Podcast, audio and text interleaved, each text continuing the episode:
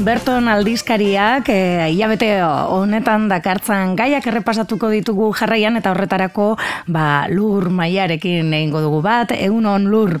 Egunon bai, elan ekarri. Bueno, zenbaki berria esku artean eta e, azalera begira ba, urtzintza eskolako kidea elkarrizketatu duzuen.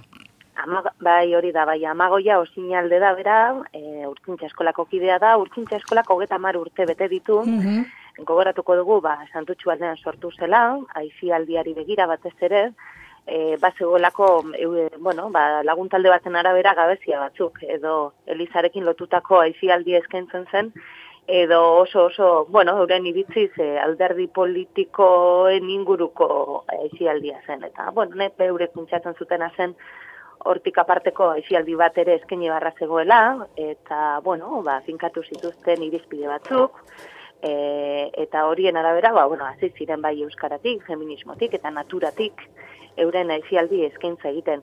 Gogoratuko dugu, ba, urtintza eskola gaur egun, e, bueno, ba, eta mar urte e, ba, ditu bete dituela, zabalbiden duela goitzen nagusia, zabalbide kalean, eta, eta bueno, ba, hortik lan handi egiten duela, ez da? E, bueno, eskuntza ez formalean, batez ere trebatzen du jendartea, gazteak eta ez helduak eta hezkuntza ez formal bueno, arlo horretan ba, lan handi egin du, ezta? Hasieran esan bezala euskeratik eta naturatik e, natura edo inguru girotik egin zuen alegin hori, gero apur bat e, bere balioak ere aldatuz joan dira, ba, ba gizartaren beharrak eta ere aldatuz joan dira neurrian, ez da?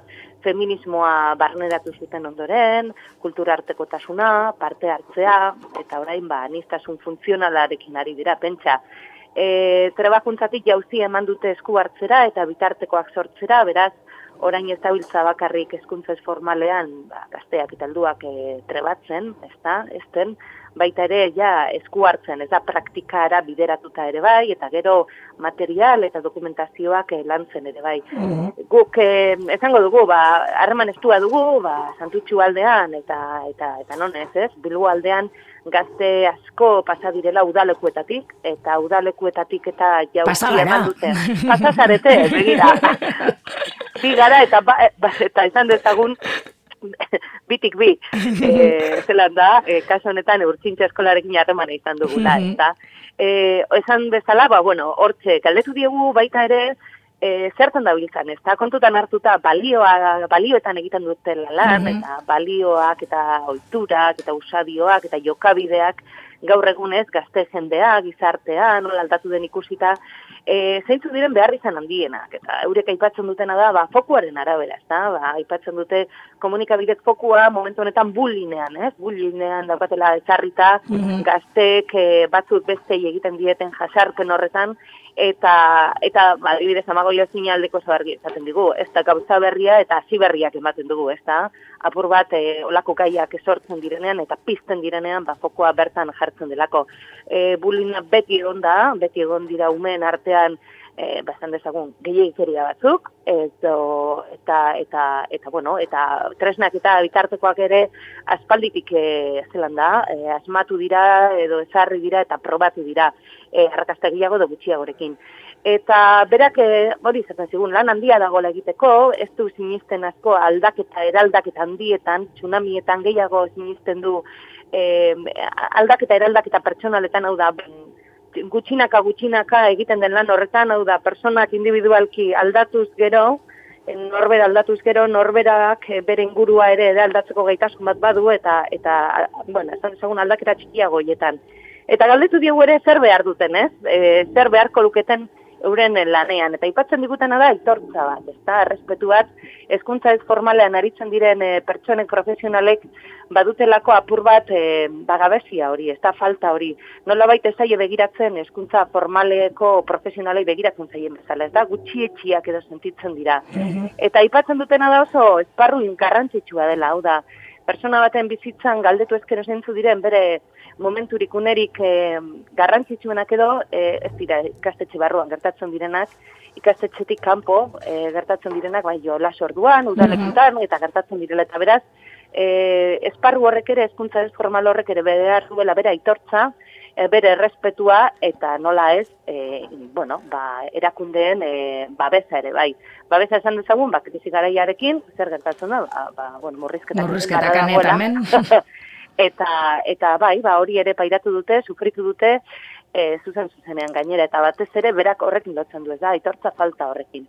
Beraz, ba, bueno, ba, egin dute, apur bat egin dugu, e, egoeraren erradiografia, hogeta urte hauetako bilakaeraren, e, bueno, e, errepasoa ere, eta aurrera begira ere jarri gara, ba, urtsintza eskola, zalantzarik gabe, aurrera begirari dalako lan asko egiten. Mm Ibel de luzea esan bezala urtzintza eskolak eta amagoia osinalderen hitzetan, ez, ba, ekarri duzue e, berton aldizkarira. Eta aldizkarian ere, e, ba, bi erreportaje ekarri dituzue, bi kontu pasatu egin direnak, ez? Bueno, horren e, ba, kronika ekarriz, ez? E, batetik, udazken jaia izan zen e, ere, eta hori ekarri duzue, ez? E, dinot, erreportai giza, argazkiekin, eta bertan gertatutakoaren kronika eginez. Bai, tokiko aldizkaria gara eta tokiko aldizkaria garen aurrian ausoko taldeek egiten dutenaren berri ematen dugu ekas honetan hiru elkarte garrantzitsuk bat egin duten udazken jai, udazken jai jardunaldi edo jaialdi bat antolatu zita eta ezin genuen eh, ezin genuen hori aipatu gabe geratu. Batetik gaztedi dantzari taldea dago, 75 urte bete ditu eta 75garren urte urrena ospatu nahi zuen euskal jaiarekin. Gonbidatu ditu Zuberoako mm, dantzariak eta eta egin dute euren dantzaldia eta oso oso ikusgarri izan da ba, santutxun berriz ere barrikada kantolatu dituztelako, mm -hmm. euren erasoak jo zituztelako, eta santutxuarak erantzun egin zutelako, ez da?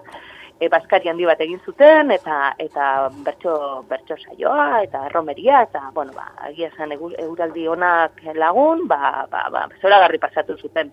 Urrengo egunean, santutxuko mendi martxan, mendi taldeak antolatzen duen martxan, Baina da maus parte elkartu ziren, egin zituzten amasi bat kilometroko osatu zuten ibilbidea, eta begira, bada gauza polit bat. Martxa ontako, irabazlea bat izun orden ez da lehenengo iristen den eta ez da, ez da azkena ere.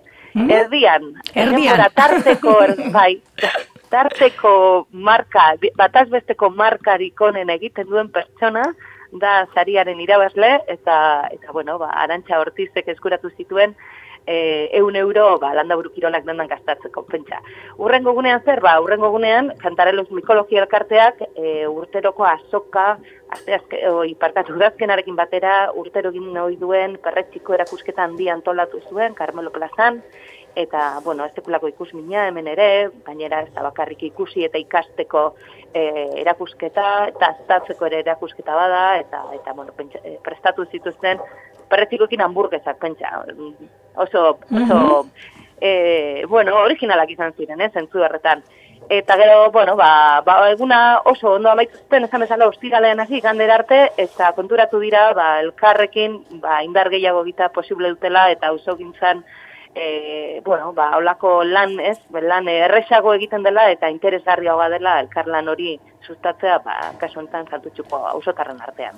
Eta udazkenean ere gite ipezekikin elkarlanean, ba, izan dira e, janaren eta likeaduraren inguruko jardunaldiak, hiru hiru hiru maitzaldi, mai inguru e, antolatu zituzten, ekoizle eta kontsumitzaien arteko harremanan inguruan hausnartzeko, eta hoien berri ere jasotzen du berton aldizkariak.